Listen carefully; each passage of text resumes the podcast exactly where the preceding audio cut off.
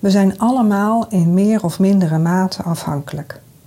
Afhankelijk van grondstoffen, gezondheidszorg, onderwijs, politieke beslissingen, situaties en ga zo maar door. Ik ga het hebben over een andere vorm van afhankelijkheid. Eén die je zelf in de hand hebt. Welkom bij deze podcast. Mijn naam is Dorrit van Stargate Lichtwerk, waar het hele van je verwonde ziel en hart en een correcte aarding in je fysieke lichaam centraal staan. Fijn dat je luistert. Het is misschien niet prettig je te realiseren, maar we zijn met z'n allen afhankelijk. Je kunt zeggen dat we ons afhankelijk gemaakt hebben. Dat is in zekere zin ook waar, maar toch vind ik het te kort door de bocht om dat te zeggen. Zelfs wanneer je zou spreken over zelfvoorzienend, dan nog blijf je in zekere mate afhankelijk. We kunnen, wanneer we hartstikke dapper zijn, misschien zelfs nog onze eigen kies trekken, maar om voor onze eigen chirurg te spelen. En het doet er zelfs ook niet toe of je naar een onbewoond eiland verhuist. Ook daar ben je afhankelijk. Want wat denk je? Afhankelijk te zijn van de meest essentiële zaken, zoals zonlicht, zoet water en de prana in de zuurstof. Alleen besef jij je dat? Er is ook niks mis met afhankelijk zijn wanneer we gebroedelijk, vanuit respect naar elkaar, naast elkaar leven. Daarbij ook niet op één paard wedden wanneer er andere mogelijkheden zijn die de ontstane afhankelijkheid vermindert of misschien zelfs totaal opheft. En verder is het belangrijk dat we ons altijd bewust blijven dat we hier op aarde nu eenmaal afhankelijkheid kennen. Zodat je dit kunt aanvaarden of accepteren. Juist daarom zou afhankelijkheid in je woordenboek geen beladen woord moeten zijn.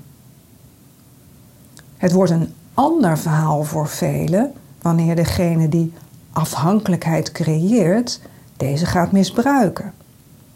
Op een kleine groep na, zij die de kracht niet meer kunnen opbrengen of het eigenlijk wel best vinden, vindt niemand het prettig, omdat afhankelijkheid dan als bedreigend kan overkomen. Er ontstaat een gevoel van zelfrecht, van vrij zijn, wat in de knel komt. Het merendeel, zelfs zij die beter zouden moeten weten, blijven zich echter identificeren met alleen de uiterlijke gevolgen, de uiterlijke besluiten.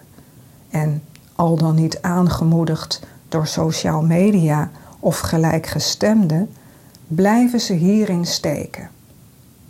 Want, stop nu eens even. Zijn we werkelijk afhankelijk?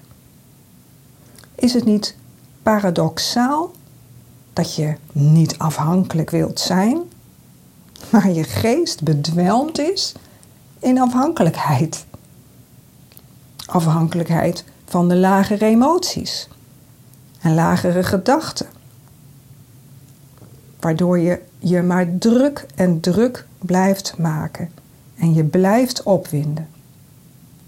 Of is het, ongeacht de uiterlijke omstandigheden, waarin overigens niemand toevallig is in balans, dus ook jij niet, de bedoeling om een les te leren, zoals het hele leven je bij tijd en wijle grote en kleine lessen geeft. In de vorm van uitdagingen, hè? Ik heb het niet over problemen. Voel maar eens het verschil. Uitdagingen, dan is er geen identificatie. Problemen, dan is er een identificatie. Hoe dramatisch, absurd, onrechtvaardig of bedreigend je situatie is, het is nooit een excuus om je geest hiervan afhankelijk te maken, zodat hij zich erin verliest en er geen ruimte bestaat voor geestelijke groei door reflectie, door bezinning. Een onafhankelijke geest is autonoom, ongebonden, vrij van enige uiterlijke verstoringen, ja, zelfs kalm en beheerst. Voor alle duidelijkheid, ik heb het over een les. Hè? En een les kan moeilijk zijn, soms zelfs enorm zwaar, maar nooit en te nimmer onuitvoerbaar. Het betekent stoppen met wijzen naar de boze, oneerlijke buitenwereld. Want ja, het leven kan bruut en oneerlijk voor je zijn. Het betekent wel de drie vingers die naar jou wijzen te volgen.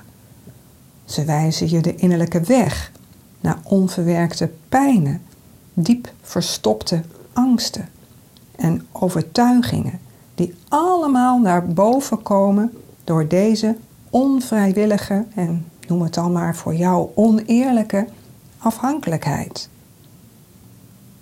En dan is er nog een punt. Sta er ook eens bij stil dat, wanneer je niet jezelf onafhankelijk maakt in de geest en jij je frustraties blijft spuwen in de ether, dit de grijze wolk voedt die om onze haar aarde hangt, om het etherisch lichaam van onze aarde. En zo ben je ook nog onbedoeld een co-creator in dit lagere astrale gebied. Zou je dat willen? Want dan komt er nog iets bij. Dit heeft ook weer invloed op de kosmische wet van oorzaak en gevolg, de wet van karma. En samen is deze wet, of zijn deze wetten, als je karma en de wet van oorzaak een beetje uit elkaar trekt, voor een groot deel alles bepalend voor het uitzetten van onze koers in dit leven en in andere toekomstige levens, zowel collectief als individueel. Het leven schijnt ons niet altijd de mogelijkheden te geven die we graag wensen. Wel geeft het leven ons lessen, lessen in aanvaarding, acceptatie en daardoor met het stoppen van eindeloos discussiëren en gemopper. Wanneer je het gevoel krijgt met de rug tegen de muur te staan, vergeet dat het je lager zelf en je ego is die zich afhankelijk voelen en dat die het zijn die zich zo gedragen. Maar dat jij veel groter bent met een onoverwinnelijke vrije geest. Doe het goede vanuit het juiste. Heb het goed en tot de volgende podcast. Meer weten over praktijk Stargate Lichtwerk en hoe je te bevrijden van lijden, onwetendheid en vernauwd bewustzijn. En je waarheid vinden in jezelf, maar ook welke activiteiten en wanneer en voor wie georganiseerd worden? Dit alles vind je terug op mijn website www.stargatelichtwerk.nl. Je kunt me ook volgen op Facebook. Klik op subscribe, zodat je weet wanneer er een volgende podcast online staat. Nogmaals, fijn dat je luisterde.